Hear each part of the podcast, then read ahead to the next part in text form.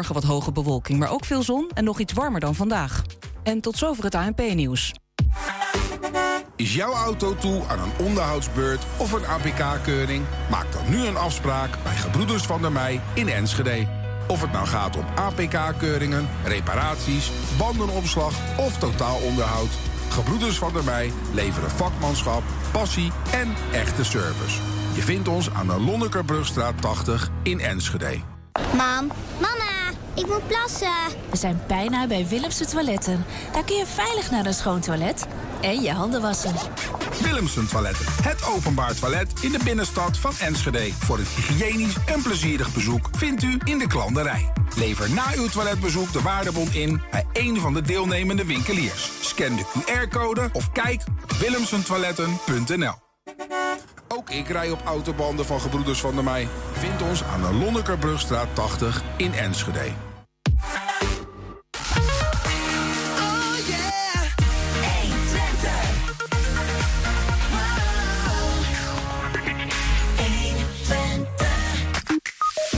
Hoe kwam het? Hoe kwam het? Hoe kwam het? Hallo, hallo. Eh, Kan de microfoon aan? Daar zijn we. Hoe kwam het vliegveld in Enschede in beeld als noodopvang voor 500 asielzoekers? Collega Wilco Lauwers die deed er onderzoek naar. Schalke 04 keert na één jaar terug in de Bundesliga. Na een zinderende ontknoping zaterdagavond. En de Enschedeze fanclub Blauw und Weiß was erbij. De Enschedeze gemeenteadvocaat heeft de nationale ombudsman bewust op het verkeerde been gezet in de za- zaak Ardes. Dat ontdekte collega Ernst Bergboer, die al lange tijd onderzoek doet naar het verhaal. En er zijn unieke beelden opgedoken uit Enschede. Het videomateriaal stamt uit 1915 en toont de uitvaart van vooraanstaand textielfabrikant Gerrit Jan van Heek. Het is maandag 9 mei. Dit is 120 vandaag. 120. 120 vandaag.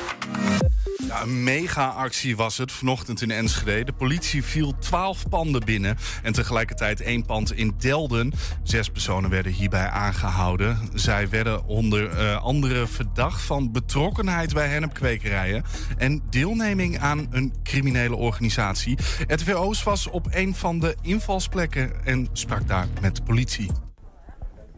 Arjan Derksen, chef van de recherche in Twente. Eh, we hebben gehoord over veel invallen, ook hier achter ons in de straat. Eh, wat is daar tot nu toe over te vertellen? Nou, dat wij vanochtend eh, in alle vroegte om 6 uur bij meerdere panden in deze straat en een aantal andere panden in de omgeving hier een inval hebben gedaan. En daar nou zijn we aan het kijken op basis van ondermijnende criminaliteit wat we hier gaan aantreffen. En we reden om aan te nemen dat we hier een aantal goederenzaken, hen met name gaan aantreffen. En dat is de reden van het onderzoek en de start van het onderzoek. Ja, want daar zijn eh, zes personen tot, nu toe bij aangehouden. En dit is dus een onderzoek dat al langer loopt. Ja, dit onderzoek eh, loopt inderdaad een maand of vier, vijf. We zijn al, daarvoor zijn we al begonnen. Maar met tussenpozen zijn we nu gekomen tot eh, nou, deze dag... dat we meerdere mensen eh, kunnen aanhouden op basis van verdenkingen van... eh, alles wat veel met, eh met ondermijnde criminaliteit te maken heeft. Eh, die personen die dan aangehouden zijn vandaag en die panden waar ingevallen zijn... hebben die dan ook allemaal een connectie met elkaar? Of kunnen dat ook losstaande eh, ja, personen zijn?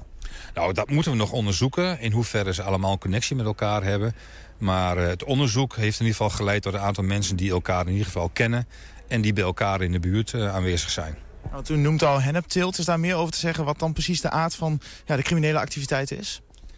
Nou, zoals u zegt, hennepteelt is een van de... Nou, dat is de hoofdmoord. Hè. Daarvoor zijn we op ingesprongen. En natuurlijk hoort bij ondermijning criminaliteit altijd een vorm van eh, witwassen... van luxe goederen, van afpakken. Ehm, maar goed, hennep, hennepteelt, het vervoer, het invoer en, enzovoort... het eh, maken daarvan, dat eh, heeft onze hoogste prioriteit in, deze, in dit onderzoek. Ja, de straat is hier nu afgezet, er wordt ook onderzoek gedaan. Wat is de verwachting hoe lang dat hier ongeveer zal gaan duren? Ja, daar kunnen we echt helemaal niets over zeggen. Omdat wij aan het zoeken zijn, kunnen we allerlei goederen vinden. Dat kan, dat kan geld zijn, dat kan eh drugs zijn, dat, kan, eh, nou ja, dat kunnen luxe goederen zijn. Eh, dus daar moeten we echt op wachten. En dat gaat nou wel een aantal uren duren. Dat is wel de verwachting. Blijft het bij deze invallen die er tot nu toe zijn gedaan... of kunnen daar dus ook weer meer volgen? Ja, op basis van wat we vandaag zien en aantreffen. En dan kunnen we verder met ons onderzoek. En eh, nou, dat betekent niet dat dit einde onderzoek is. Het zou best kunnen zijn dat in de toekomst nog meer aanhoudingen... en nog meer goederen eh, bekeken zullen gaan worden... en nog meer ingezet wordt op eh ondermijnende criminaliteit... in deze wijk of wijk hierom in de buurt daarvan. Ja, je hoorde de politiewoordvoerder dus over die uh, ja, mega-politieactie vanochtend in uh, Enschede en een klein stukje in Delden. Zometeen Blauw und Weiss voorzitter Henny ten Vergert zag zaterdagavond zijn Schalke 04 terugkeren in de allerhoogste Duitse voetbalcompetitie. En we zijn ook als podcast te luisteren via alle bekende platforms. Je vindt daar de hele uitzendingen en elke dag één item uitgelicht. 120. 120 vandaag. Er was veel om te doen. De noodopvang voor vluchtelingen die Enschede moest inrichten van de staatssecretaris. Buiten de lokale democratie om dus. Wat ging eigenlijk vooraf aan die gedwongen noodopvang op het vliegveld in Enschede? Hoe kwam die locatie in beeld en kwam het uiteindelijke dwangmiddel zomaar uit de lucht vallen? Collega Wilco Lauwers die ging op zoek naar de antwoorden op die vragen. Wilco, welkom. Ja, hallo. Waarom heb je dat eigenlijk gedaan? Wat, wat, wat, vond je zo belangrijk aan dit ding dat je dacht, hier moet ik meer van weten? Ja, nee, die vraag die krijg je dan vaak. Wat verwacht je er nou van? Hè? Als je zo'n, uh, we hebben dit namelijk via een WOP-verzoek gedaan, wet openbaarheid bestuur. Dat houdt in dat je alle openbare informatie uh, opvraagt. Uh, nou, je zou je zeggen van ja, maar als het openbaar is, dan is dat er al. Maar niet alles wordt gedeeld. Hè. Gesprekken tussen ambtenaren en met bestuurders. Dat zit niet standaard bij alle besluitvormingsprocessen zit dat erbij. Maar dat is wel openbare informatie en daar kun je een beroep op doen. En dat duurt dan heel wat weken. Dat heb mhm. ik begin dit jaar gedaan. Ja, en waarom doe je dat? Ja, kijk, ik had vooraf niet zozeer een bepaalde verwachting van... nou, dit gaat heel smeuig worden of um, gaat een bepaalde kant op. Maar ik was gewoon heel erg benieuwd um, hoe, je, hoe er tot zo'n aanwijzing wordt gekomen. Waarom was dat vliegveld überhaupt zeg maar, in beeld? Uh, bij, bij het COA, Centraal Orgaan uh, Opvang Asielzoekers. En uh, kwam dat dwangbevel, want zo noem ik het aan mij even, hè, ook al was het juridisch gezien niet helemaal Ehm, eh, niet helemaal waar. Maar hoe kan het, dat dwangbevel kan het uit de lucht vallen? Want dat geloof ik dan niet. Hè? Dit, dit, dit is niet dat je er opeens zaterdag telefoontje... ja, we worden gedwongen. Want heel even uh, terug naar toen. Ehm, wat ik er nog van weet is dat in Ter Apel uh, de boel overliep. Hè? Daar was de vluchtelingenopvang. dan moesten dus mensen verdeeld worden. Dat moest heel snel. toen is er vanuit de staatssecretaris een... Nou ja, een dwangbevel, zoals je het zou kunnen noemen, naar Enschede gekomen. Enschede, jullie moeten de 500 opvangen. Dat is ongeveer hoe het ging, toch? Ja, ja en niet alleen de staatssecretaris, ook de minister van Binnenlandse Zaken toen, uh, Keizer Ollongren, die heeft die brief ondertekend. En dat maakt hem extra stevig, als het ware. Hè? Dus als de Binnenlandse Zaken daarmee bemoeit, dan is het serieus. Ja. En wat is dan op, op dat moment dat je zegt van ja, ik wil graag weten, want dat is, dan, dat is het dan toch? Weet je wel, van ja, het is een bevel, blijkbaar kan dat. Of kon het eigenlijk niet? Of is dat de vraag ook een beetje? Nee, het, het kon dus ook eigenlijk niet. Hè? En dat is daarna wel gebleken uit, uh, uit uh, beantwoording van vragen van Pieter Omzicht. Die heeft in de Tweede Kamer daar ook uh, naar gevraagd. Van op basis van welke juridische regel ehm, dwing je gemeente eigenlijk? Het is een zwaar middel. Je zegt eigenlijk tegen de gemeenteraad wat jullie ervan vinden, dat maakt niet uit. Wij willen dat daar een noodopvang komt. En dat is mhm. niet hoe het in, in een democratie, hè, waar veel lokale autonomie is hoe het zou moeten werken. En, en eh, nou, die vragen van om zich hebben in ieder geval aangegeven dat ook binnen het ministerie ze echt heel goed wisten dat er geen enkele juridische basis hiervoor was. Dat het gewoon. Ja. het is gewoon uh, bluffpoker. En dan zou je kunnen zeggen, ja, daarmee is, is je vraag beantwoord. Hè? Dus van juridisch was er weinig grondslag, uh, maar het moest gebeuren. Dus uh, het is zo gespeeld. En dat is misschien niet netjes. Wat wilde je dan nog meer weten? Ja, ik, ik, denk dan als er toch al zoveel schimmigheid is en zoveel onduidelijkheid is over hoe dit tot stand komt, of uh, um, op basis waarvan dit is gebaseerd, dan wil ik ook precies weten hoe dit tot stand is gekomen. Ik denk dat inwoners en iedereen uh, in Enschede uh, het recht heeft ook om, om te weten wat hier aan vooraf is gegaan. En of dat nou heel schokkend is of niet. Ik wil gewoon kunnen reconstrueren ja. wat hier aan vooraf is gegaan. Had je ook verwachtingen? Nee, nee, het is heel lastig. Kijk, eh, de, de verwachting die ik had was dat ik uh, waarschijnlijk wat stukken zou krijgen van, van wat ambtenaren onderling en hoe dan NSG in beeld komt. Wat ik niet had verwacht, en dat uh, zit hier uiteindelijk in, is dat ik uh, chatgesprekken ehm, kreeg met onder andere de toenmalige waarnemend burgemeester Theo Bovers en met de commissaris van de Koning, Andries Heidema. Um, dat er al contacten over en weer zijn geweest met de directeur van het COA, Juri Kapteins. Nog voordat die aanwijzing vanuit de staatssecretaris kwam? Ja, ja 1 november al zijn daar al uh, contacten via de app gelegd. Oké, en wat voor contacten zijn dat dan? Wat wordt er dan in gezegd? Nou ja, op 24 november is de nood uh, is behoorlijk hoog. En dan gaat Jurie Kapteins van COA, die, die, die appt uh, aan de burgemeester van Zwolle, Peter Snijders... Uh, dat hij beroep wil doen op de IJsselhallen. Nou, dat meldt hij ook. Procedureel is dat gewoon normaal. Hè? Dat je het aan de commissaris van de Koning meldt, Andries Heidema. En die verwijst kapiteinsdoor ook naar Theo Bovens. Want ja, in Enschede staan ook nog wat. Op het vliegveld weet hij wat hallen die misschien wel gebruikt kunnen worden. Dus uh, kapiteins die gaat direct uh, appen met Theo Bovens van uh, kunnen we daar een beroep op doen? Kunnen we die noodopvang op, de, op het vliegveld realiseren? Ja. Ja, en dan, dan ontstaan de telefoongesprekken. Die zitten natuurlijk niet bij zo'n WOP-verzoek in, omdat die niet, niet schriftelijk zijn vastgelegd. Ehm, maar in ieder geval daaruit zou, um, zou Theo Bovens hebben, die zou de boot hebben afgehouden op dat moment. Die zat op dat moment in de evaluatie van de noodopvang in Hengelo uh, uh, van die 100 asielzoekers. En daarvan is gezegd, ja, dit heeft ons zoveel eh, tijd en moeite gekost. Het is toch wel intensief geweest voor de veiligheidsregio. Ja. We werken even niet meer mee aan nieuwe opvangen. Nou, uitgerekend op dat moment wordt uh, Bovens gebeld. Ja. En naar eigen zeggen heeft hij daar ook de boot afgehouden. Heeft hij gezegd, hier werken wij niet aan mee. Want is hij, uh, Theo Bovens, dan op dat moment overigens zien hier in chat? Ik, ik weet niet Ja, precies wat zien een- hier. Ja, dit is, eh, eh, dit is de chat ook met eh, Theo Bovens. Ehm, tussen, tussen de COA-directeur en Theo Bovens. Ja, eh, ja, precies. En hierin geeft hij ook aan. ehm, nou, we hebben contact, we hebben contact gehad met Andries Heidema. We hebben eh, de evenementenhal gezien op het vliegveld. En we zouden daar graag eh ehm, asielzoekers willen huisvesten. Ja. Wat zou dan op dat moment, wat, wat, wat zou er normaal gesproken moeten gebeuren? Hè? Theo Bovens is, is op dat moment waarnemend burgemeester. Gaat hij er dan over of dat wel of niet daar kan plaatsvinden? Of moet de gemeenteraad nog normaal daarbij betrokken worden? Nou ja, het verzoek is gericht aan de burgemeester. Hè. In zijn functie eh, gaat hij daar inderdaad over. In het coalitieakkoord is wel afgesproken dat eh, in principe eh Enschede zichzelf niet meldt.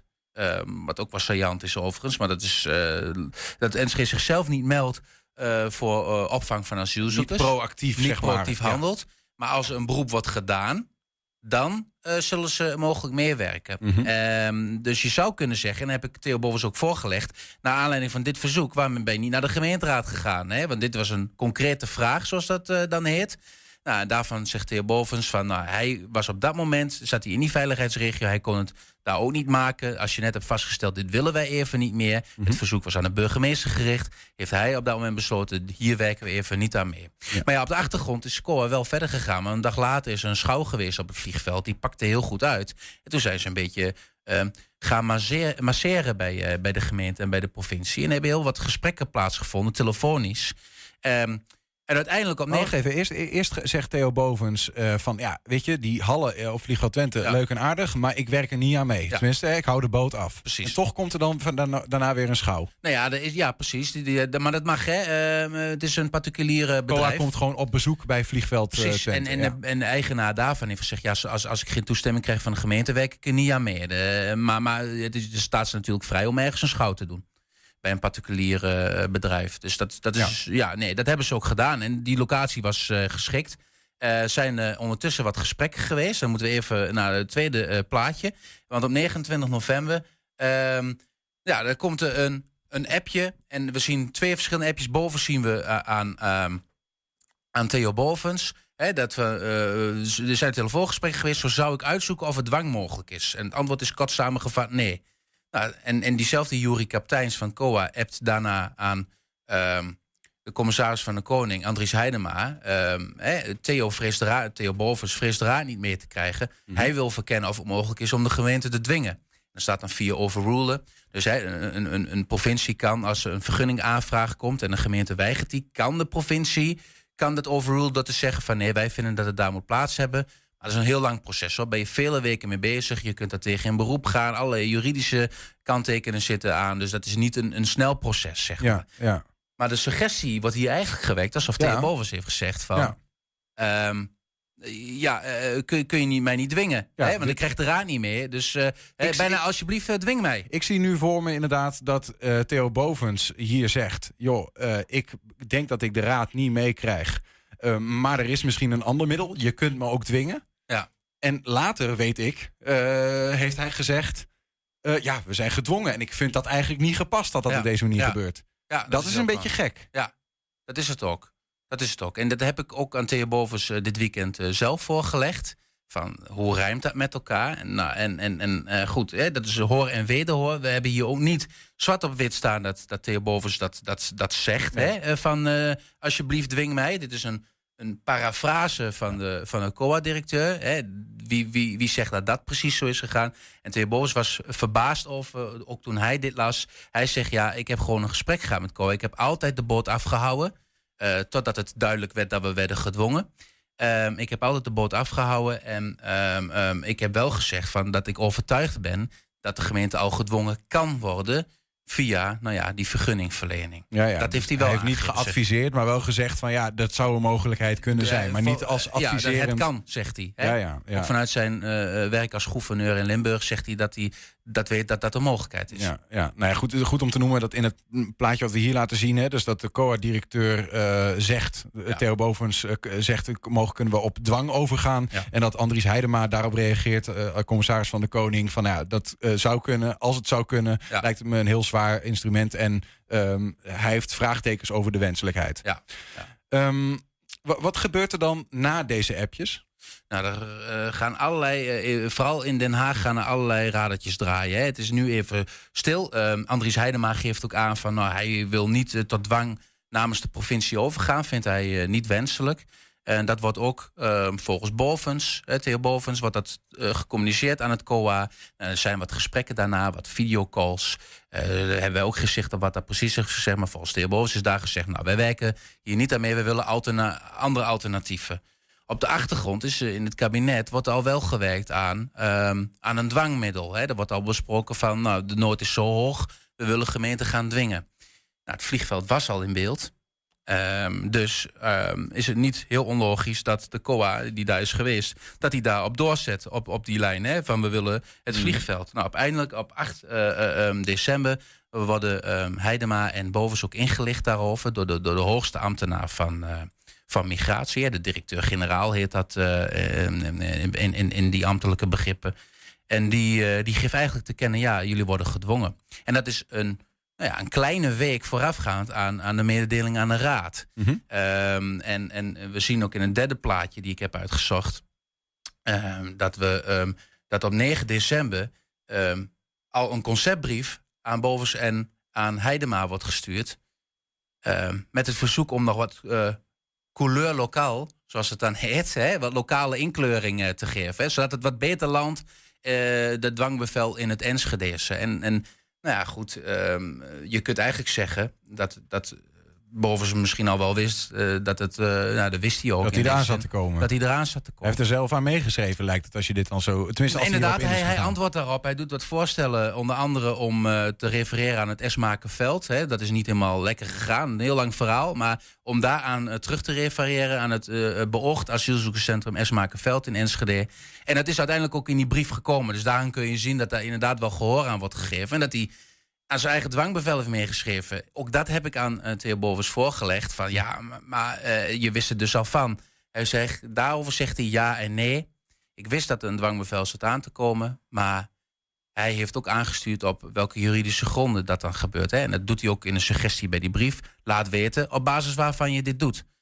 Die suggestie is uiteindelijk niet in de brief meegenomen. En dat uh, laat denk ik ook wel zien waarom ook Theo Bovens, zegt hij zelf dan... Hè, um, zelfs na zaterdagochtend na het telefoontje van de staatssecretaris eigenlijk niet wist. Um, ja, er komt een dwangbevel, maar op basis waarvan. Ja. Uiteindelijk wel gewoon geadviseerd om in te stemmen. En daar staat hij ook nog steeds achter. Omdat, nou ja, het is zo'n dwangmiddel. Uh, als de minister van Binnenlandse Zaken uh, de handtekening onderschrijft, dan kun je alles doen. Je kunt nog rekken. Maar uiteindelijk niet tegenhouden. Ja. Dat is, uh... ja, dan krijg ik het idee van een man die zegt van ja, um, ik, ik, we willen het liever niet. Als je het doet, zou het gedwongen moeten. Ja. Ja. Um, en als het dan toch gedwongen komt, zoals uh, hier uh, uit blijkt, dan schrijf ik wel uh, mee om het beter te laten vallen. Nou ja, dan kun je in ieder geval, dan kun je, als je toch weet dat er geen, geen houden meer aan is, hè, dus zo vertaal ik het dan even, dan kun je, kun je beter ehm, meewerken en kijken wat je, wat je kunt doen om het in goede banen te leiden, dan dat je ehm, tegen gaat werken en alleen maar gaat vertragen. Ja begrijpelijk uh, verhaal. Maar, maar ik denk ook goed als mensen zeggen van... Nou, ik vind het wel interessant om nog eens terug te lezen. Kan ja. dat? Ja, zeker. Straks komt een artikel online. Hè, en daarin laten we ook zien hoe nou Enschede... Um, in, überhaupt in beeld kan. Daar hebben we het nog helemaal niet over gehad. Maar dat is dus misschien een mooie cliffhanger. Waarom kwam Enschede in beeld? Het is een raadslid geweest... die misschien wel het belletje heeft doen rinkelen bij het COA. We zetten het artikel online en, en alle stukken die ertoe doen uit, de, eh, uit het WOP-verzoek, die eh, plaats ik er ook bij, zodat mensen dat ook zelf kunnen nalezen. Dankjewel, Wilco. Ja. Ja, de komende weken gaan we met het Jumbo-spaaralbum Mijn Stad in de Hand de straat om, eh, op om te kijken hoe Enschede'ers hun eigen geschiedenis kennen. Met deze week het thema het ontstaan van het biermerk Grols. 120.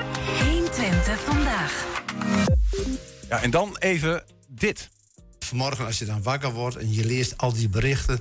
dan dringt het erg pas goed tot je door wat er gebeurd is met zo'n prachtige grote club. Ja, dat ze gedegradeerd zijn. Onwaarschijnlijk. Ja, dat was 21 april vorig jaar. Schalke 04 was net gedegradeerd uit de eerste Bundesliga. Henny ten Verget, de voorzitter van de Enschedese Schalke fanclub Blau- Blauw en Wijs... die zat hier toen in diepe rouw. Maar hoe anders ziet de wereld er nu uit? Afgelopen zaterdag promoveerde de club na één jaar dus weer terug naar het allerhoogste niveau in Duitsland. Dus kijken hoe Henny er nu eh, bij zit. Hij zit hier, welkom. Welkom. Ik zit hier opperbest. Hè? En weer ook van verschil hè? met de vorige keer. Ja. Nee, dan kun je het niet met elkaar vergelijken. En had ik ook nooit gedacht dat het binnen een jaar weer zou lukken... om, om weer terug te komen op het hoogste niveau. Is echt onwaarschijnlijk. Ja, had je dat niet gedacht? Nee, wel gehoopt FC natuurlijk. Twente als voorbeeld. Ja, ja, ja. Maar Schalke had ook geen geld. Ze hadden over de 200 miljoen in de schulden. Ja. Ze hadden hele dure spelers te lopen, dure contracten. En dan moet ik zeggen, die nieuwe manager die heeft echt wel een, een kunstje, ja, kunstje geflikt hoor. Ja. Die heeft die, al die dure spelers kunnen of verhuren of kunnen verkopen. En, maar ja, dan heb je geen spelers meer en, en geen geld. En dan, dan moet je ja, heel vindingrijk zijn. Hè? Zijn bij Manchester City hebben ze er eentje kunnen huren. En zo'n oude Jan. Ik had wel eens van oude Jan gehoord, dat hij bij AZ heeft gespeeld. Die speelde toen ergens in Italië. Dus je komt in één keer met oude Jan. En dat is voor mij de openbaring van het seizoen. Oh ja, dat was een hele goeie. We, Echt een goeie. we gaan zo meteen daar verder over praten. En ook eh, nou ja, hoe het afgelopen voetbaljaar dan eh, voor jou als eh, Uber Schalke-fan eh, eigenlijk was. Want ja, je speelt niet meer tegen de, be- ja, tegen de mega bekende clubs. Eh, maar eerst misschien leuk om even te kijken. Zaterdagavond, Blauw en Wijs op weg naar Schalke. De wedstrijd waar het moet gaan gebeuren. We waren er. Deze kroeg, eh, de toekomst in Enschede, is de thuishaven van Blauw en Wijs. De supportersvereniging van Schalke 04 in Enschede. Met een bus vol gaan ze naar de wedstrijd toe van vanavond, want die is cruciaal. Schalke kan promoveren van de tweede Bundesliga naar de eerste Bundesliga. Maar dan moet er wel gewonnen worden van eerste FC St. Pauli.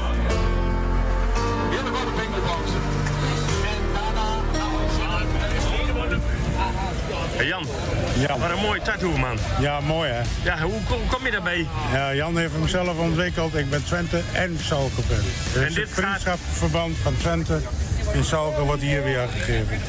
En hoe lang ben je al? Maar meer dan 20 jaar. Meer dan 20 ruim, jaar? Ruim 20 jaar. Als je één keer bij Schalke bent geweest, je gaat nou voor het eerst mee. Dat is net als het eh, coronavirus. Eén keer besmet en je blijft besmet.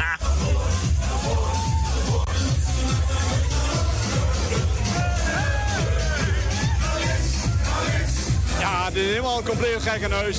Ja, iedereen die heeft er zin in. Iedereen is uitgeladen stemming.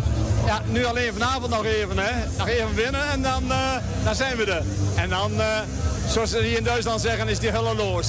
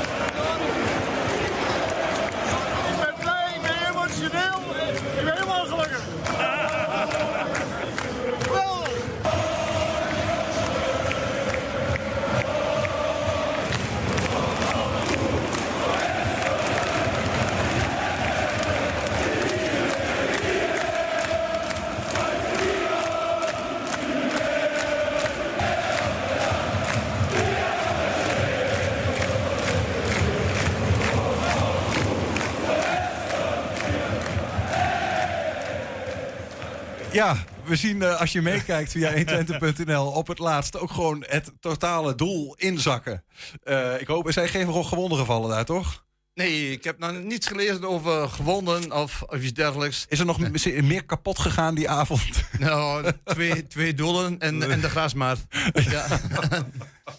maar op een gegeven moment werd het ingezoomd op dat grote scherm... dat iemand met een stuk gras liep. En toen was het van de dame. Dus moest iedereen ook een stukje gras hebben. Dus van die grasmaat is weinig van over. Oh, dit is echt de, de halve grasmat is meegenomen. Ja, ja, iedereen moest een stukje hebben. Oh, ja, ja. ja, nee, we hoorden van de verslaggever die mee was. Die zat er maar in het begin ook even collega Patrick. Die zei ook van, eh, ik kwam op een gegeven moment de jongen met de baard... die we ook in de reportage zagen weer tegen. En die liet hem heel trots een stuk gras zien. Ik heb een stuk gras, ik heb een stuk gras. Ja. Stel ook een stukje gras meegepakt. Nee, nee, nee. Ik heb Nee. al eh, ooit in het parkstadion... toen de laatste wedstrijd werd gespeeld... toen heb ik al een stukje gras meegenomen. Ja, Ja, ja. Je zat hier net even we- en we zagen, het is wat een wedstrijd trouwens ook. Hè. Dan even, even om te schetsen. Ehm, afgelopen vrijdag moest Darmstad eh, verliezen of gelijk spelen. En jullie moesten deze winnen. Darmstad verloor. Dus jullie konden eh, promoveren als je deze won. En dan wordt het 0-1. 0-2. Hoe zit je dan op de tribune? Nou, dan zit je echt wel kapot op die tribune, hoor. Dan denk je, dat kan toch niet waar wezen? 0-2 en verliezen. Dan komt alles op die laatste wedstrijd aan. En dan gaat het mis. Dan denk je, ja, de laatste wedstrijd. Maar gelukkig direct na de rust kreeg ze dan een penalty. Werd 2-1, direct al. En dan zat ik op de scorebord te kijken naar de tijd. Ik dacht, voor de 70 minuut nou een doelpunt maken... dan zie ik het wel zitten. En de 68 minuut of zoiets, pats, 2-2. Ja, dat was nog niet genoeg geweest, toch? 2-2 of was dat al genoeg? Nee, nee, dat was, gelijkspel was dan niet genoeg. Nee. En toen viel die 3-2. Ja, toen explodeerde het stadion. Hè. Dat was wel zoiets geweldigs. Ja, als je daar dan tussen het volk zit, ja, dan weet je niet wat je meemaakt. Is, is, is, is dat wel goed voor je hart? Om ertussen te zitten. Goed. Dat is een goede test. Als je, als, je, als je dat overleeft, nou, dan kun je nog heel veel jaren mee. Nee, want je zat hier net tijdens de Ja. video eh, mee te kijken. Ja. En die 3-2 eh, die valt dan. En zegt van gewoon kippenvel. Ja. Eh, hoeveel, hoe vaak heb jij die avond, en misschien wel tot aan vandaag, kippenvel gehad? Nou, regelmatig. Ja, regelmatig hoor. Dan, dan, dan zie je dus filmpjes van, van, van, ja, van iedereen eigenlijk die dat gefilmd heeft. En dan zie je dat. En ja, er komen echt kippenvel. Daar krijg iedere keer kippenvel van. Ja, het wordt wel iets minder natuurlijk. Maar ook uh, s'nachts, als je thuis komt, ja, ja, dan kun je toch niet slapen. Dus ik, ik wel zitten, zet de televisie wel aan. En dan, dan kijk je op je telefoon en dan zie je zoveel appjes, zoveel felicitaties en zo binnenkomen. Ja, geweldig. Maar leg dat eens uit voor, voor iemand die nu zit te luisteren of te kijken. en Die man is niet, niet goed, joh. Dat is een spelletje. Dat is een spelletje. Weet je al, eh, Ja. wat is dat? Wat, dat, dat dat zoveel impact heeft. Ja, dat is eh, een, een beleving. Schalke heeft ook de leus wie lebendig. Ja, niet wie lebendig, maar wie- wie lebendig. Schalke wordt geleefd. Dat is een, een, een- ja, zeg maar een way of life. Als je daar één keer in de verzeild raakt, nou, er is geen ontkomen meer aan. Dan zit je er helemaal in. En je hoort er ook meteen bij, bij de Schalke-familie. en, en, en je gaat er ook helemaal in mee. En, ja, je ziet wat, wat de mensen ervoor over hebben, hoe ze het beleven, positief en negatief. Want als het misgaat, dan deugt er van de hele club niets meer. Hè? Dan wordt alles tot op het bord afgebroken. Dan word ik heel scherp. Maar, maar het volgende wedstrijd, als ze 1-0 maken, dan iedereen leeft weer op. Hè? Een fantastische club. En eh, dat is ook Schalke. Ja, het leeft. een enorme het emotionele achtbaan waar je in Ja. zit. Die begint overigens op zo'n dag, zo'n wedstrijddag afgelopen zaterdag voor jullie. Om eh, half vier al. Dan vertrekken jullie. Half negen is de wedstrijd. Nou ja, eh, het Schalke-stadion is ongeveer een uur rijden. Ja, met de bus iets langer. Iets We doen- langer. We doen een paar stops. Ja. Maar dan gaan we eerst naar de fanknijpen. Zo'n legendarische kroeg daar in, eh in Gelsenkirchen. Er zit een discjockey. En, en ja, dit doet hij al jaren. En hij gooit ook regelmatig Nederlandse muziek op. En hij vraagt me ook meestal ook wel... wat is er nou populair in Nederland van, van gezellige muziek, zeg maar. Ja, en dan nemen we dan zo'n cd'tje mee voor hem. En dat gooit hij erin. En, en, vooral, hij is helemaal, helemaal leef van de snollebolletjes. Dat, is, heel- dat vindt hij geweldig. Dan, dan, dan roept hij iedereen op en dan in een lange rij gaan staan door die hele kroeg heen. En dan gaat hij wel van links en naar rechts. Ja, het is geweldige stemming altijd daar. Ja. En Is ook heel amicaal. Maar is dat het afgelopen jaar eh, eh, elke wedstrijd zo geweest? Want ja, weet je, je komt uit de eerste Bundesliga. 30 jaar lang achter, achtereen speelde Schalke daar. Eh, dan speel je tegen de Bayern Münchens van deze wereld. Ehm, of Dortmund, hè, de, de, de, de lokale eh, knaller, zeg Ja. maar. Ehm, ja, nu speel je ineens tegen heel andere clubs die ik niet zo 1, 2, 3 zou kennen. Nou, ik vind eigenlijk de tweede Bundesliga voor, voor Schalke, in ieder geval voor mij en een heleboel mensen ook, eigenlijk aantrekkelijker. Oh ja? Want je hebt Werder Bremen, je hebt Hamburg SV, je hebt Düsseldorf, je hebt Dresden, je hebt uh, de St. Pauli. Ja, anders heb je Bielefeld, Augsburg, Hoffenheim. Wat maakt Niet die... zeggen de clubs eigenlijk. Ja, wat, maakt dan, ja, om, juist omdat eh, Hamburger SV en zo, dat ze het bekende namen van, van, van verleden, zeg maar zijn. Ja, dat zijn de traditionsvereinen. Hè? Ja. En, en dat, is, dat is een begrip in Duitsland. Een traditionsverein, dat, dat heeft iets, iets extra's. Ja? En dan kun je als club veel beter presteren. Zoals bij zo'n Leipzig. Ja? Zo'n zo'n zo'n eh, razenbal. Maar Leipzig. Ja? ja, dat is helemaal bij elkaar gekocht. Er zit ook geen, geen, geen historie bij. Ja, dat is ja, gekocht en, en ze presteren goed. Maar een traditionsverein, dat is van vroeger uit en dat Oh, leeft. Als je het zo zegt, is het bijna jammer dat je gepromoveerd bent. Nou, dat, dat zeg je wel, hè. Ik had er helemaal niets op tegen gehad. Buiten, natuurlijk, het hoogste wil je altijd bereiken, hè. Ik had er niets op tegen gehad om nog een jaartje in die tweede liga te spelen. Ik vind dat een geweldige liga. Gezellig. Ja, het is leuk. Een hartstikke leuke liga. Ja, en spannend. Ja? Want ik las wel, het is de spannendste liga van heel Europa. Je, je, je hebt, eh, wat je zojuist al zei, die traditionsvereinen, eh, Mhm. Werder Bremen, HSV. Eh, is Schalke zeg maar nu de eerste die die traditionsterreinen nu weer een beetje terugbrengt? Met, met deze overwinning ook een beetje? Nou, Schalke is dan de eerste. En ik hoop ook op eh Werder Bremen. En HSV, die heeft kans op de derde plaats. Dan spelen ze tegen nummer 15 van de Bundesliga. En dat ze dat ook, eh, ja, dat hun dat ook lukt. Maar dat zou wel mooi zijn. En die clubs die horen ook echt in de Bundesliga. Ja, wat, wat, wat speel je dan liever? Degradatievoetbal in de eerste Bundesliga of eh, kampioensvoetbal in de tweede? Nou, dan kies ik nog voor het laatste. Ja, dat kan me Ja. voorstellen, ja. Ja. Want even dat, die, die degradatie, daar, eh, daar ging wat aan vooraf. Hè? Je zat hier vorig jaar, toen zeg je... Ja, het is gewoon slecht eh wanbeleid qua aankopen. En je, je, eigenlijk zei je, er hebben elf mensen zitten slapen. Dat zijn de commissarissen, die zouden toezicht moeten houden. Hebben ze niet gedaan. Overal ja op geknikt. En nu zitten we hier in de Panari. Ehm, en er was nogal een lange weg te gaan. 240 miljoen euro schuld moesten worden ingehaald. Ehm, je, je begon er net al een beetje over te praten. Is Schalke met die, met die promoveren, promovetie, prom- promotie, Promotie. dat is het goede woord, ehm, weer de goede weg terug aan het ingaan? Absoluut. En het belangrijkste is, ze hebben een nieuw bestuur, eh een nieuwe raad van commissarissen, de Oosterheidsraad, eh het nieuwe manager, andere trainer.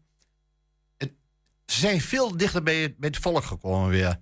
Want door het andere bestuur, de, de, de afstand werd steeds groter tussen het Schalke publiek en, zeg maar, en, en het bestuur ja, en de leiding. Ja, dat, dat brokkelde af. En dat is levensgevaarlijk voor zo'n club als Schalke. Want als dat uit elkaar valt, ja, dan valt er echt iets uit elkaar.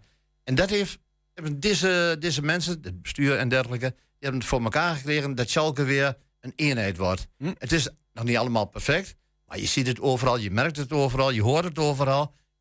Schalke leeft weer. Ja. En ze hebben er weer vertrouwen in. En, en iedereen weet ook, Schalke heeft geen topteam. Maar er staat weer een team zoals Schalke moet voetballen. De mouwtjes omhoog en knokken. Want jullie fanclub bestaat 27 jaar. Ja. Ehm, de, de laatste keer dat Schalke de- eh, promoveerde, zeg maar, eh, na- was, was 30 jaar geleden, Mm. na de eerste eh, league. Eh, nu weer. Ehm, wanneer wordt de volgende keer dan? Over 30 jaar? Ja, dus, eh, Dat is meteen ook de vraag wanneer de volgende keer wordt dat ze gaan degraderen weer. Hè? Ja, nee, kijk, ze promoveren nu en nu moet je afwachten. Ja, wat voor spelers kunnen ze erbij kopen? Kijk, als je niets koopt met dit team, ja, dan red je het niet. Dan red je het niet. Hè. Het is een team wat keihard knokt, maar kwalitatief Mhm. komen ze wel, eh, nou wel aardig wat tekort hoor. Maar hopelijk komen er een paar spelers bij. En dan denk ik dat handhaving het allerbelangrijkste is. Zorg dat die eerste jaar niet meneer weer uitkeelt.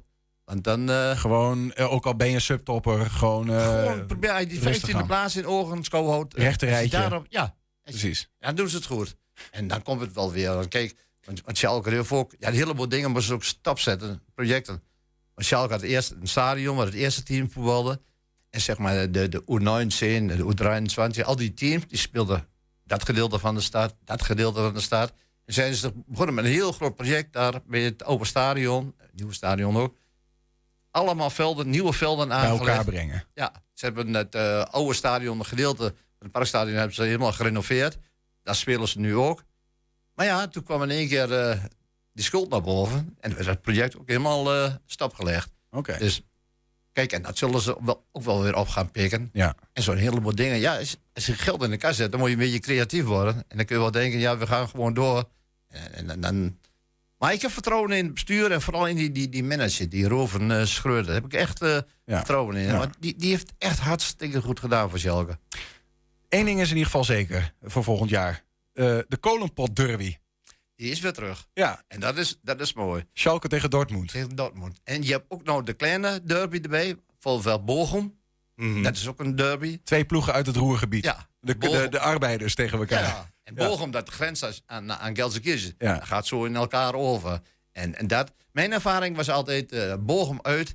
En er zat ook altijd meer toeschouwers van Schalke dan van Bochum. Was altijd heimspiel in Bochum. ja, ja, ja, maar die nou, ja. Dortmund derby is ook geweldig hoor. Heeft dit, dit trouwens, dit, dit, dit alles, hè? Heeft dit nou nog een beetje voor aanwas voor jullie? Uh, want jullie 300 leden bestonden Ja, jullie uit. ja, Zijn er weer nieuwe mensen die, die dit hebben gezien en zeggen van, nou, die wil je bij Ja, ik, ik kreeg uh, vandaag wel diverse mailtjes van... Uh, ja, kunnen we ook lid worden? We wilden volgend seizoen graag weer mee. Is er nog plek? Ja. Is er nog plek in de club? is voor iedereen plek. Ja? Ja? Ja, Of er plek wordt in de bus, dat weet ik niet. Maar nee, er is plek. Dus iedereen is welkom, tuurlijk. Ja. En voor een bedrag van 15 euro per jaar...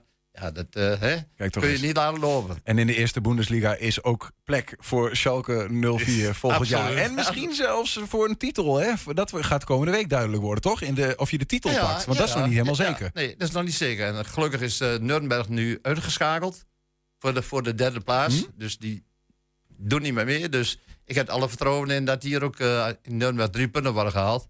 En dan is steeds echt kampioen. Ja, doet dat er nog toe?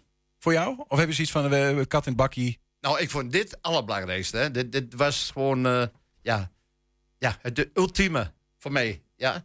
Promoveren weer. Na een jaar. Ja. Na eerst een heel rot jaar. En dan kreeg je die corona erbij en toestanden. En nu, ja, nu leeft Schalke weer. Ja. Geweldig. En voor aankomend weekend uh, titel pakken of niet, dat is even kieken wat wordt. Hoe zeg je dat in Duits? Zin wat? Schauen wir einmal. Schauen maar wat was weer. Uh, nou, ik hoop dat we je volgend jaar niet weer hoeven uit te nodigen dat je weer gedegradeerd bent, Henny. Misschien met uh, nog een kampioenschap. Ja, wie, wie weet. Zo mag ik door. We gaan uh, schauen weer mal. Ja, ja, Henny Vergert, dankjewel en geniet ervan. Oké, okay, dankjewel. Ja, heb je een tip voor de redactie? Mail dat dan naar info.120.nl 120. 120 Bij de supermarkt Jumbo kun je, tot, uh, kun je tot het eind van deze maand plaatjes sparen voor een verzamelalbum over de geschiedenis van Enschede. In het boek staan allerlei feitjes over de stad, zodat je tijdens het plakken meteen meer te weten kan komen over hoe Enschede er vroeger uitzag. Ja, het bracht ons op het idee om een aantal thema's uit te lichten. Vandaag trappen we af met een goudgeel gerstenatje dat in Enschede wordt gebrouwen. Het Grolsbier. Als ik het woord grols zeg, wat denken jullie dan aan? Bier. Bier. Bier. Ja, bier. Bier.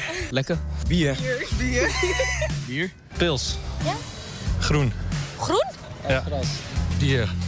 Bier. Bier. Hetzelfde, ja, bier. Ik sta hier op een plek die waarschijnlijk heel veel mensen kennen, maar vroeger zag het er hier heel anders uit. Hier stond namelijk de allereerste bierbrouwerij. Op 13 mei 1885 besloten textielfabrikanten, handelaren en bankieren om een bierbrouwerij op te richten. De EBB, de Enschedese Stoombierbrouwerij. Het verspillen van je werkloon in de kroeg werd vooral gekoppeld aan jenever. Sterke drank was namelijk erg duur. Om problemen met sterke drank te voorkomen, mocht er in de 19e eeuw in het volkspark geen sterke drank meer gedronken worden. Daarom investeerden textielfabrikanten in bier. Ja, dat was dus uh, de eerste van een, uh, een reeks uh, die we jullie gaan brengen. Dit dus over de Grols. 120. 120 vandaag. Ja, zo, zo meteen in Hengelo is vanmorgen een proef van start gegaan met een zogeheten fietsketting. Ja, het gaat hier om, uh, niet om een ketting die iedereen op zijn eigen fiets heeft, maar om een menselijke ketting van fietsers. De eerste. Eerst iets anders. We gaan even iets anders doen. Misschien kunnen we heel even een bumper ertussen gooien. Ja, doen we een bumper ertussen. 120. 120 vandaag. De Enschedese gemeenteadvocaat heeft de nationale ombudsman bewust op het verkeerde been gezet. Zo blijkt uit een onderzoek van 120. Er gebeurde in een nauwe samenspraak met de Enschedese klachtencommissaris en de top van het vastgoedbedrijf, dat een hoog oplopend geschil had met ondernemer Gert-Jan Ardesh. Aangeschoven bij ons is collega Ernst Bergboer. Hij legde dat bloot en is al anderhalf jaar onderzoek aan het doen naar die zaak Ardes, zoals het inmiddels heet. Ernst, welkom. Je zou kunnen zeggen, daar zitten we weer, hè? Ja, dat is het ook, hè? Ehm, ja, een, een advocaat vanuit de gemeente Enschede, die eh, de Nationale Ombudsman, een ehm, instituut dat nou ja, mensen die een geschil hebben met gemeente eh, moet helpen met onafhankelijk onderzoek. En een advocaat van gemeente Enschede die dan die Nationale Ombudsman bewust op het verkeerde been zet. Ja, lijkt het. ja. Dat is nogal een aantijging. Ja, dat is het ook. Maar dat blijkt uit, eh, uit documenten die boven water zijn gekomen. Ehm, er is een brief geschreven, we hebben het over, we praten over zeg oktober. eh, en die brief is uiteindelijk 1 oktober 2018 aan die ombudsman verstuurd. Die brief kennen wij al heel lang. En ik wist ook al heel lang dat er in die brief twee dingen stonden, stonden die niet klopten. Ik eh, wist alleen niet wie die brief precies had opgesteld. Dus dat die brief er lag en dat het antwoord er lag, vond ik al heel vreemd. Ehm, en ik heb WOP-verzoeken gedaan. En uiteindelijk is nu duidelijk geworden dat het de gemeenteadvocaat is geweest. die deze brief heeft opgesteld. Ze heeft hem niet ondertekend. maar hij is wel door de gemeenteadvocaat opgesteld. En dat is, ja, dat is natuurlijk toch eh, opmerkelijk. Ja, want dat is een antwoord op vragen van de ombudsman. Ja, Ardesh had een klacht ingediend bij de Nationale Ombudsman. Die kwam niet verder bij de gemeente. Eh, de zaak was inmiddels eh, lag bij de rechter. Eh, de rechter gaat over het juridische conflict, hè, dat, dat, dat deel. Maar er speelt ook een bestuurskundig. eh, vergaat de overheid wel netjes om met burgers. Daarover heeft Ardesh een klacht ingediend bij de Nationale Ombudsman. En wat er dan altijd gebeurt, is dat de ombudsman natuurlijk op basis van die klacht een brief terugstuurt. naar in dit geval de gemeente Enschede. m- Met een paar vragen van ik wil graag weten hoe dit zit. Er is een klacht binnengekomen. Ja. Welke vraag had de ombudsman dan precies? Eh, het waren er twee, maar ik heb me beperkt tot één vraag. En eigenlijk was de simpele vraag: waarom zijn jullie naar de rechter gestapt? En eigenlijk een andere vraag. eh, eh, er was namelijk al in 2017 een advies uitgegaan van de klachtencommissaris. om niet naar de rechter te stappen, maar eerst een onafhankelijk feitenonderzoek te doen naar de zaak. Want dat geschil liep al. Eh, ze kwamen daar niet uit. De klachtencommissaris ingeschakeld en die zei: onderzoek deze zaak eerst voordat je naar de rechter stapt. Dus stop de recht, gerechtelijke procedure en, ehm, en, en doe dat advies. Dat advies ehm, heeft de directeur vastgoed destijds naast zich neergelegd. En hij is ondanks dat advies toch naar de, naar de rechter gestapt. geen onafhankelijk onderzoek, nee. maar en, een. En de ombudsman wilde rechtszaak. weten waarom heb je dat gedaan. En eh, dat is ook omdat, en dat schrijft de ombudsman ook in zijn brief. Van ja, overheden eh, moeten echt hun best doen om ervoor te zorgen dat ze geen rechtszaken starten. Dat moeten ze, als dat maar enigszins kan, moeten ze dat voorkomen. Ehm, dus de ombudsman wilde weten, eigenlijk vanuit het idee van, nou ja, zeg maar behoorlijk bestuur, van hebben jullie dat wel gedaan? Waarom zijn jullie toch, waarom is het advies van die klachtencommissaris destijds niet opgevolgd? Wa- Wat Waarbij- is het antwoord daarop geweest vanuit de gemeente Enschede? ja, en dat, dat antwoord was, en daar stonden dus twee dingen. En dat was, wij hebben samen met Ardesh afgesproken om dat zo te doen. Eh, dat is niet zo. Mhm. En het, eh, het tweede is dat we hebben dat in mei met Ardesh afgesproken. En Als er al, eh, en de gemeente heeft, laat ik het anders zeggen, de gemeente heeft altijd gerefereerd aan een telefoongesprek dat in juni 2017 heeft plaatsgevonden, waarin die afspraak zou zijn gemaakt. Eh, in de brief van de Nationale Ombudsman zeggen ze dat is in mei gebeurd, dus daaraan voorafgaand. Daarmee wordt de suggestie gewekt dat er eerst met de Dash is afgesproken van luister, we gaan niet eh, dat onderzoek doen, maar we stappen des, eh, meteen naar de rechter, maar we gaan wel proberen om eerst te schikken. Dat hebben we in mei gedaan, volgens die brief. Eh, en toen zijn ze gaan schikken, geprobeerd, zijn ze niet uitgekomen en naar de rechter gestapt. Ja, daarop heeft die ombudsman gezegd van ja, nou, als het zo gegaan is, dan, eh, ja, dan, dan, dan is dat een afspraak geweest tussen de gemeente en deze ondernemer. Is dat gewoon conform afspraak en eh, niks aan de hand. En die heeft de zaak geseponeerd, heeft niet verder onderzocht. Maar dat klopt dus niet? Nee, klopt niet. Nee, er is nooit een afspraak ge- geweest, gezamenlijke afspraak. Eh de, Ardesh wilde graag een onafhankelijk onderzoek en geen rechtszaak. Precies, en dat heeft hij ook onmiddellijk kenbaar gemaakt. Er is inderdaad in juni dat telefoongesprek heeft plaatsgevonden. Er is ook eh, de dag daarna is er een mailtje uitgegaan. Dat was een telefoongesprek tussen de directeur vastgoed en Ardesh. Eh, die directeur vastgoed heeft daarop een mailtje gestuurd aan Ardesh met daarin een soort korte weergave van dat gesprek. En daar voegt hij aan toe. En, maar ik beslis, ik, ik beslis nu, ik zeg maar even in mijn Ja. eigen woorden... ik Ja. beslis nu om het onderzoek van de klachtencommissaris niet te doen...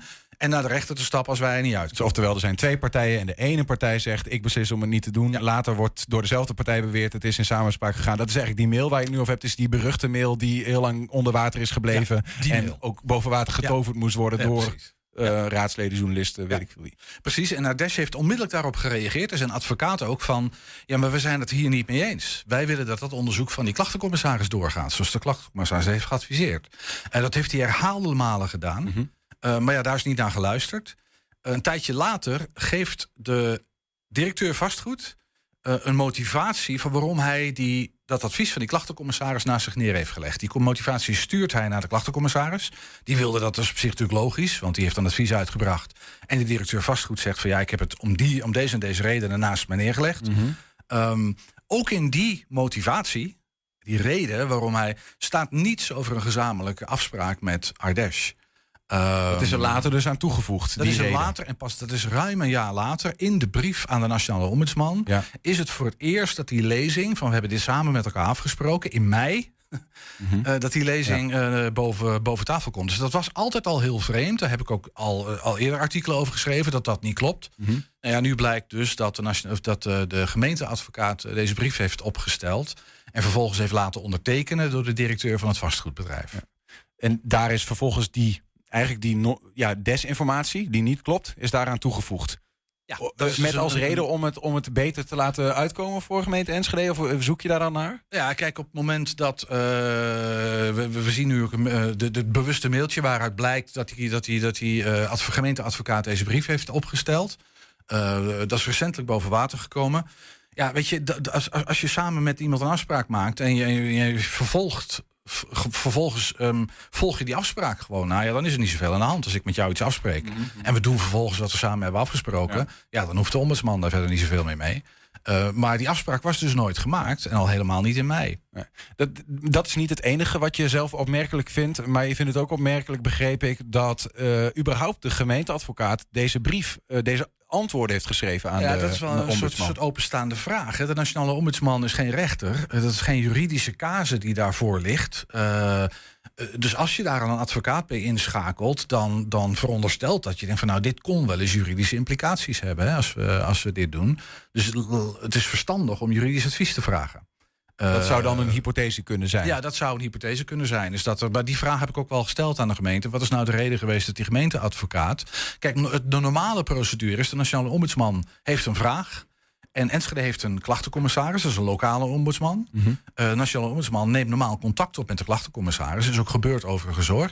En die klachtencommissaris handelt dat vervolgens af. Dat is een onafhankelijk instituut, moet dat zijn, binnen het gemeentelijk apparaat. Die gaat dan onderzoeken en die gaat vragen. En die komt met een antwoord naar de nationale ombudsman. In dit geval is dat niet gebeurd. Die klachtencommissaris heeft het doorgeschoven naar de gemeenteadvocaat. Die, eh, dat blijkt ook uit een van de mailtjes die boven tafel is gekomen. Die heeft geschreven en uiteindelijk heeft de directeur van het vastgoedbedrijf ondertekend. ja, ook die. En ook weer niet de klachtencommissaris, wat misschien ook voor de hand zou hebben gelegen. Maar die had al een klacht van Ardesh, zat erg in die zaak. eh, en die wilde, eh, eh, die wilde niet met dubbele petten zitten. Dus die zei ook van ja, ik, ik vind dat ik deze vraag niet moet beantwoorden. Dat moet iemand anders doen. Nou, dat heeft dus de gemeenteadvocaat gedaan, eh, ondertekend door de directeur vastgoed. Ja, precies. Het is niet zo, kijk, wat de, de- de- dus die directeur vastgoedbedrijf en de kla- klachtencommissaris, die zaten goed genoeg in het dossier. Eh, Niet dat de gemeenteadvocaat dacht van ja, eh, die, want die waren net, er was een wisseling van de wacht geweest op beide vlakken. Ja, de klachtencommissaris was, een, die was nieuw en ook die directeur vastgoed was nieuw. Ehm, maar die brief waar ik net over schreef, hè, met die motivatie van waarom dat advies eh, genegeerd eh, was, die motivatie lag zowel bij vastgoed als bij de gemeenteadvocaat, als ook bij de klachtencommissaris. Dus al deze drie partijen wisten dat er geen gezamenlijk, in die brief stond niks over gezamenlijke afspraak. Dat was niet de reden waarom dat advies is genegeerd. Het is nooit opgesomd als reden. Dus die wisten dat. Desondanks hebben ze in die brief van de Nationale Ombudsman wel het doen voorkomen alsof die gezamenlijke afspraak gemaakt zou zijn. Wat is het gevolg ervan geweest dat deze drie partijen, wetende dat het niet klopt, wat er in die brief staat, en toch hebben gestuurd naar de ombudsman? Nou ja, wat daar de gevolgen van zijn, weet ik niet. Eh, de ombudsman heeft de zaak geseponeerd eh, daarna. Die heeft gezegd, ik ga niet verder onderzoeken... want jullie hebben dit zo afgesproken met Ardesh... en je hebt dat zo gedaan, eh, keurig, niks aan de hand. Ja. Dus die, die- ja, en als het wel was aangenomen, dan had de ombudsman mogelijk iets voor Ardes kunnen betekenen. Nou ja, op het moment dat je zegt van ja, we, we, hebben dat advies om deze reden. Als, als, de, als, laat ik het anders zeggen, dat antwoord van waarom dat advies is genegeerd, dat antwoord lag er al. Dat had die directeur vastgoed een tijd geleden al gegeven. Als dat antwoord was doorgestuurd naar de, naar de ombudsman, is eigenlijk dezelfde vraag. Waarom heb je dat advies genegeerd? Nou, om deze reden. Eh, dan had de ombudsman hoogstwaarschijnlijk vragen gesteld van ja, maar dat is wel een beetje gek. Ehm, want je had toch eh, dat advies kunnen opvolgen. Dan had je niet naar de rechter hoeven stappen. En dan was er uit dat, uit dat onderzoek. Dan waren de feiten boven tafel gekomen. Kun je alsnog naar de rechter stappen. Want dat heb je niet gedaan. Ja. Dus je hebt lang niet alles gedaan wat je kon doen. Wat overigens ook uit de rest van het dossier blijkt. Om rechts, eh, rechtsgang te voorkomen. Ehm, Hoe, hoe, kom, hoe kom je hier overigens wat achter? Want dit is, dit is ook iets wat niet over één nacht ijs is gegaan, toch? Nee, de, joh, ik, dat, je zei het net al, ik ben al anderhalf jaar met deze zaak bezig. Ik heb een WOP-verzoek omdat ik die brief zo gek vond. eh, en me afvroeg waar die lezing vandaan kwam. Hoe is die lezing nou ontstaan? Dat die afspraak gemaakt zou zijn eh, in mei. Ehm, dus ik was erg benieuwd. Dus ik heb toen alle correspondentie gewopt, opgevraagd van de gemeente. Eh, maar daarin was alle correspondentie van de gemeenteadvocaat compleet integraal zwart gelakt. Daartegen heb ik toen bezwaar gemaakt. eh, eigenlijk zwart gelakt met als reden... ja, dit is een advocaat en die eh, heeft geheim, geheimhoudingsplicht... mogen wij niet openbaar maken. En toen heb ik daar bezwaar tegen gemaakt. Dus, ja, dat kan niet waar zijn, want eh, dit, dit is ook gewoon be- bestuurlijke controle. Democratische controle moet mogelijk zijn. Eh, nou, eh, uiteindelijk in bezwaar gelijkgesteld... maar dat heeft het college weer naar zich neergelegd. Die hebben gezegd, ja, het kan wel zijn dat je bezwaar eh, is gehonoreerd... maar toch doen we het niet... Toen ben ik naar de, naar de rechter gestapt. Dus, dus er liep een rechtszaak die binnenkort voor zou komen. Maar recentelijk heeft de, de Centrale Raad van Beroep, hè, dus de hoogste bestuursrechter, een uitspraak gedaan. ehm, waaruit blijkt dat de WOP, de wet, dat is nu de wet open overheid, dat die belangrijker is dan die advocatenwet. En toen zijn die stukken alsnog verstrekt. Het moest, eh, eh, Moest on, onzwart gelakt zeg maar, geleverd worden. Wat stond er onder die zwart gelakte regels dan? Ja, waar je naar op zoek was? Dat is eigenlijk het verhaal wat ik je nou net vertel. Is dat die gemeenteadvocaat deze. Dat was mijn belangrijkste vraag ook. Van wie, wie heeft nou die brief geschreven en hoe kan deze lezing nou komen? Nou, waar, hoe deze lezing tot stand is gekomen, dat weet ik nog niet helemaal precies. Ehm, ik kan gissen naar de reden waarom. Namelijk om lastige vragen van de ombudsman toch een beetje te omzeilen. Ehm, maar ik weet wel wie de brief nu heeft, heeft, heeft opgesteld, hoe dat gegaan is. Wat, eh, wat kun je hier nou mee? Ja, nou ja, de, de, eh, eh, wat kan ik hiermee? Dit is, ik, ik weet niet of ik hier verder zo heel veel mee moet. Ik weet wel dat er inmiddels binnen de politiek hier in Enschede hier vragen over gesteld zijn. En ook vragen over leven. Hier leefden al heel veel vragen hè, bij diverse politieke partijen hier in Enschede. Het is natuurlijk een wonderlijke, eh, ja, wonderlijke gang van zaken. Dat de nationale ombudsman een vraag stelt en eigenlijk geen eerlijk antwoord krijgt. en ook nog eh, opgesteld door een gemeenteadvocaat. Wat vindt die ombudsman er zelf eigenlijk van? Ja, geen idee. Ik heb hem daar nog niet over gesproken. Nee, ja, ik kan me Maar dat voorstellen is- dat... ik, ik, ik kan, me- kijk, weet je, het is logisch dat een ombudsman afgaat op wat ambtenaren hem vertellen. Ja. Dat moet ook. Dat is een vertrouwensbeginsel. Eh, ambtenaren zijn eet afgelegd. Dus je gaat ervan uit dat een ambtenaar de waarheid spreekt. Eh, dat blijkt natuurlijk niet altijd het geval te zijn. Dat zagen we ook in de toeslagenaffaire natuurlijk. Nou ja, eh, eh, ja, daar vinden we met elkaar in het land wel wat van. Ehm, nou ja, dit, dit is een lokaal voorbeeld van, van nou ja, dat dat dus soms gebeurt. Dat je niet altijd op dat soort vertrouwensbeginselen kunt leunen. Het is best een ingewikkeld verhaal soms, Ernst. Gelukkig eh, is daar een heel dossier van op onze website. Mocht je het willen volgen, hè, mocht je dit hebben gehoord en denken... Hey, wat speelt er dan eigenlijk? Eh, zoek even op 120.nl, de zaak Ardesh. Kun je eh, zien hoe het tot stand is gekomen... en alles wat je hierover hebt geschreven. En ook dit stuk wat jij hier nu hebt verteld... staat daar in tekst eh, uitgelegd. Ernst Bergboer, dankjewel. Graag gedaan. 120. 120 vandaag. In Hengelo is eh, vanmorgen een proef van start gegaan met een zogeheten fietsketting. Het gaat hier niet om de ketting die iedereen op zijn eigen fiets heeft, maar om een menselijke ketting van fietsers.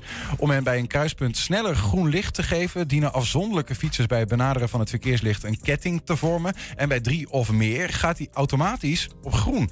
Wij namen vanmorgen in alle vroegte een kijkje bij de aftrap.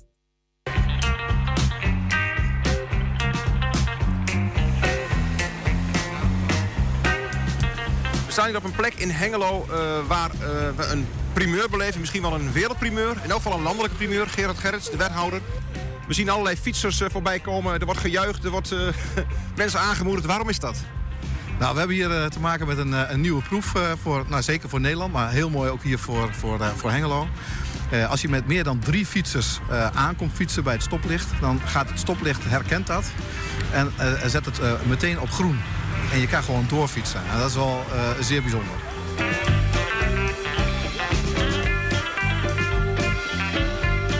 Hoe werkt eh, de fietsketting?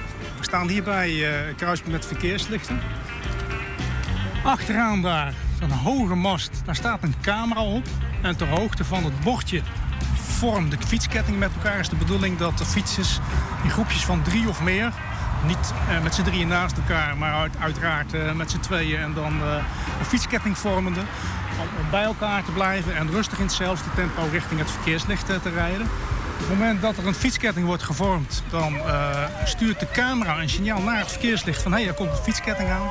En op dat moment zorgt het verkeerslicht ervoor dat fietsers die aankomen rijden sneller groen krijgen. Nu was de proef vanmorgen om 8 uur. Dan is het druk op het fietspad. Veel fietsers die naar werk gaan, naar school gaan. Dan zou ik zeggen, dan werkt het wel. Het is nu de vraag of het vandaag overdag ook eh, zijn, eh, zijn nut gaat bewijzen. Ja, dat is het leuke van de praktijkproef. Er zit een aspect gedragsbeïnvloeding in. Dus, dus ja, in hoeverre is het gedrag te beïnvloeden? We hopen dat eh, ook overdag, als het wat rustiger is... dat mensen eh, toch het idee hebben van... hé, als ik eh, samen met die meneer of mevrouw... eh, in een groepje richting het eh, verkeerslicht rij... dan krijg ik sneller groen. Eh, en dat gaan wij in de komende weken ook monitoren... om te kijken, ja, is het gedrag te beïnvloeden... en is men bereid om met vreemden in een, eh, in een groepje te rijden... eh, als ik daar eh, een eh, snellere groenrealisatie voor krijg. Ja. Nou, dit is eerst een, eerst een pilot, is om te kijken hoe werkt het. We, nou, we zitten hier bij de A1, eh, eh, ingang eh, bij Hengelo. Het is een ontzettend druk punt. Dus we moeten echt ook kijken wat doet het voor het verkeer op de weg. Hè. Rijkswaterstaat kan er wat van vinden. Op het moment dat er lange wachtrijen ontstaan op de snelweg... Ja, dan creëer je verkeersgevaarlijke situaties. Dus het is eerst een pilot. We gaan eerst kijken hoe het werkt. En daarna kan ik me best voorstellen dat dit een mooi stuk is om... Nou ja, denk eens aan een F35, eh, een fietssnelweg. Hoe mooi zou het zijn als je daar dit kunt creëren? En daarbij eh, helpen die cheerleaders vandaag wel, maar die staan er morgen niet meer, denk ik. Nee. Morgen moeten ze het echt alleen gaan doen en zorgen dat, het, eh, dat ze in een minimale groepje van drie hier komen aanfietsen. En dan, nou, ja, dan, dan, eh, dan springt het automatisch op groen. Ja, de proef die duurt nog tot de zomer. Daarna wordt besloten of het systeem ook elders wordt ingevoerd. En eh, de unieke oude beelden die zijn gevonden van de uitvaart van Gerrit-Jan van Heek vanuit 1915. Met daarop ook echt beelden van de oude markt die supergoed zijn, ook voor die tijd. Die hou je nog even van ons eh, te goed. Morgen meer daarover. En tot zover 120 vandaag. Terugkijken, dat kan direct via 120.nl. En vanavond om 8 en 10 ook op televisie te zien. Zometeen kun je hier op de radio gaan genieten van Henk Ketting... met zijn tweede deel van de kettingactie. Veel plezier en tot morgen. 120. Weet wat er speelt in Twente. Met nu het nieuws van 5 uur. Goedemiddag, ik ben René Postma.